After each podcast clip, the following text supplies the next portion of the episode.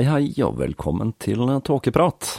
Dette er da ikke en vanlig episode, og de av dere som venter på avslutningen av La Fée de Poisson, må nok dessverre vente en uke til. Jeg er da godt i gang med materialet til denne episoden, men det gjenstår da fremdeles en del arbeid på det jeg kan love blir en skikkelig pangeavslutning på denne serien, hvor ting da virkelig begynner å ta av når påstander om at det foregikk sataniske ritualer med barneofringer i Paris undergrunn begynner å dukke opp i avhørene. Som jeg sa i forrige episode, så regnet jeg egentlig med at det kom til å ta litt ekstra tid med denne episoden. Ikke bare fordi det er veldig mye materiale å gå gjennom, men også fordi jeg da har vært en tur i Tigerstaden denne helgen. For da å rett og slett ta meg en tur på byen, det er noe jeg da drister meg til kun et par ganger i året. Det var da riktig så fornøyelig å ta på seg pubskoene og se hvordan Oslos uteliv ser ut i 2018. Men det er kanskje kjekt at det ikke blir hver helg, både med tanke på lommebok, helse og ikke minst podcasting, da. I tillegg så driver jeg også med litt oppdateringer på utstyrsfronten denne helga, så dette blir da det første forsøket på å sette sammen en episode med ny software. Så da kan det også kanskje være greit med en liten testepisode før jeg kaster meg over det eposet som blir avslutningen på serien om giftskandalen. Om alt går etter planen, noe det da vel har gjort om du hører dette, så har jeg nå litt freshere produksjonsutstyr og en del nye muligheter. Jeg har da valgt å kalle dette en minisode, og dette kan jo være en måte jeg kan gi dere litt tåkeprat på søndager der hvor det ikke kommer ordinære episoder. Etter jeg nevnte den uanselige donasjonsknappen på hjemmesiden i forrige episode, så fikk jeg da jaggu en donasjon til like etter, fra en svært trofast tåkepratlytter. Så takk til deg, det var veldig hyggelig, og med det så fikk jeg det sparket bak jeg behøvde for å sette meg ned og sette sammen en Patrion-side for tåkeprat. For de av dere som ikke vet hva Patrion er, noe som da ikke er så veldig rart, fordi denne tjenesten er brukt svært lite i Podkast Norge, så tenkte jeg da jeg skulle bruke denne minisoden på å snakke litt om denne tjenesten, og hvorfor jeg har valgt å bruke denne til tåkeprat. Med internett og digitalisering av informasjon så skjedde det enorme omveltninger av hvordan vi betaler for varer og tjenester. Som jeg tidligere har vært inne på her, så gikk jo store deler av platebransjen i dørken i strømmingens tidsalder, og videosjappa på hjørnet ble byttet ut med strømmetjeneste på nett når bredbånd ble allemannseie. Det var ikke nedlasting av film og musikk lenger forbeholdt personer med inngående kjennskap til filsplitting, parity-filer, Usenet og IRC. Med den digitale revolusjonen så så vi også en rekke nye og spennende fenomener. Et jeg gjerne vil trekke fram her, er da Wikipedia, dette online-leksikonet som er bruker- og donasjonsdrevet, og som er en fantastisk god kilde til informasjon. Selv om da kritiske røster hevder at ettersom Wiki er brukerdrevet, så er det fullt av feil. Men dette er da ikke helt riktig, noe jeg tør å være ganske skråsikker på, da en venn av meg som studerte datalingvistikk, faktisk hadde oppgaven i studietiden med da å kryssjekke Wiki mot det store norske leksikon. Og Wiki kom da faktisk best ut, med jevnt over bedre kvalitet. Så jeg har da faktisk forskning til å backe påstanden min her, altså. Her dreier det seg om det engelske Wikipedia, da. Det er kanskje også viktig å få fram, for kvaliteten den varierer mellom de forskjellige språkene. Selv så legger jeg med jevne mellomrom merke til små og noen ganger store feil i Wikipedia, men da dreier det seg som regel om ting der den allmenne oppfatningen om et sært emne avviker fra hva man finner om man graver dypere i det, eller at det er et kontroversielt tema der artikkelen blir redigert veldig mye. I sistnevnte tilfelle så kan det være nyttig å se på wikisidens bakside og redigeringshistorikken. Den kan da ofte avsløre mye om hvem som har redigert og hvorfor og det er da ikke en mulighet man har i et ordinært leksikon. Og så må det vel sies at mange av de som er skeptiske til Wiki, ofte også da, da er uh, ivrige konspirasjonsteoretikere. Selv så syns jeg denne tjenesten er fantastisk nyttig for å slå opp fakta om årstall, geografi og historiske personer.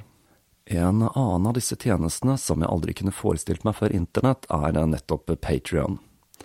Dette er en nettside der man kan gi månedlig beløp til personer som bedriver kreativt arbeid i det digitale rom.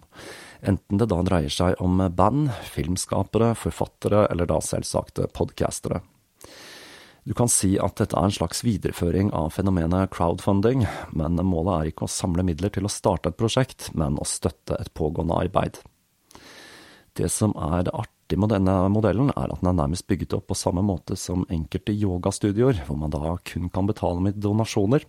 Du kan altså komme til timen og ta den gratis, og om du har lyst til å betale for den, så gjør du det etter timen i form av donasjoner.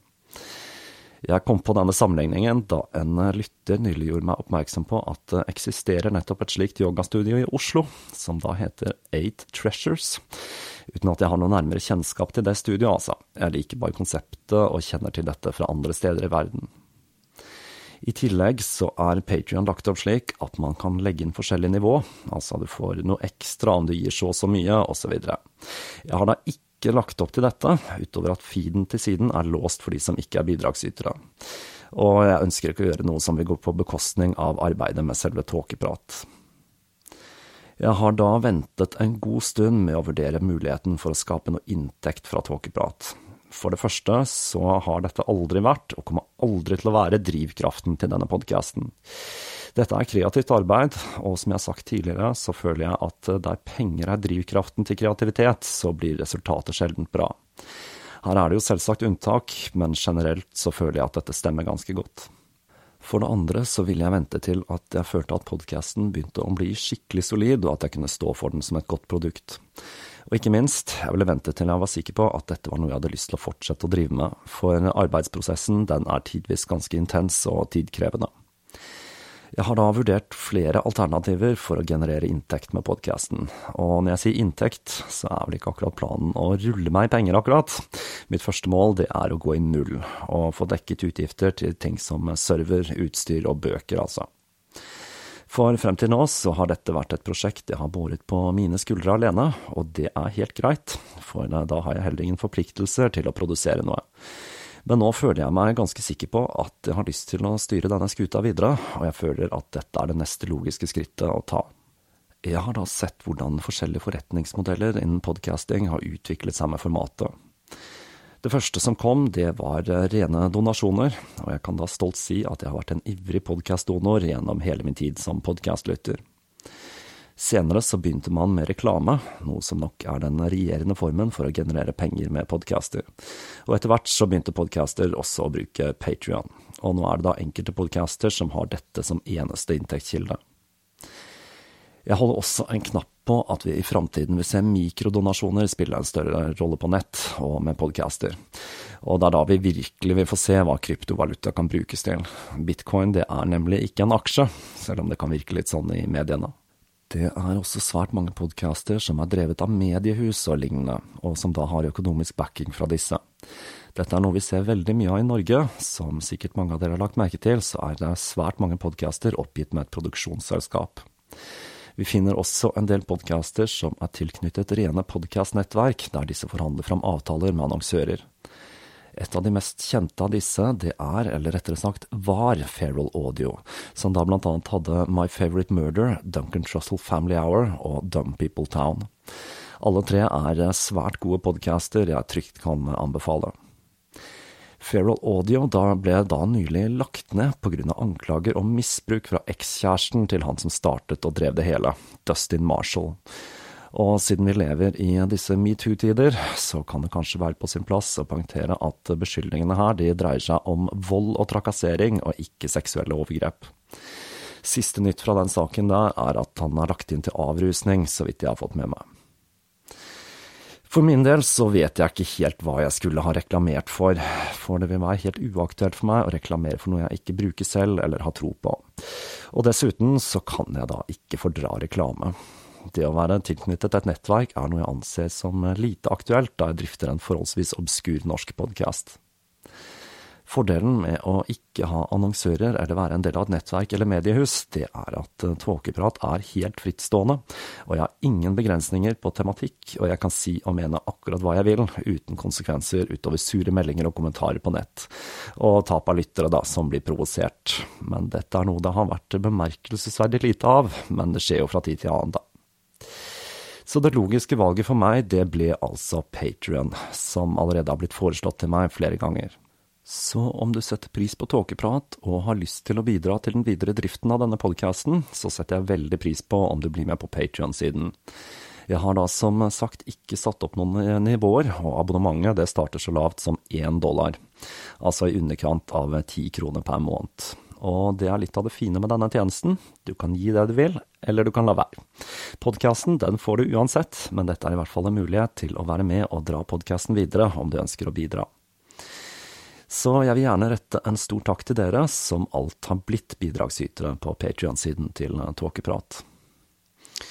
Og da spiller jeg den ballen til dere. Dere må altså vente en uke på avslutningen av La Fère de Poisson, men jeg vil tro at når episoden først kommer, så vil den være verdt ventetiden, for ting de skulle ta skikkelig av før ting gikk tilbake til normalen i Ludvigs Frankrike. Så da gjenstår det bare for meg å ønske dere en god uke. Vi høres igjen neste søndag.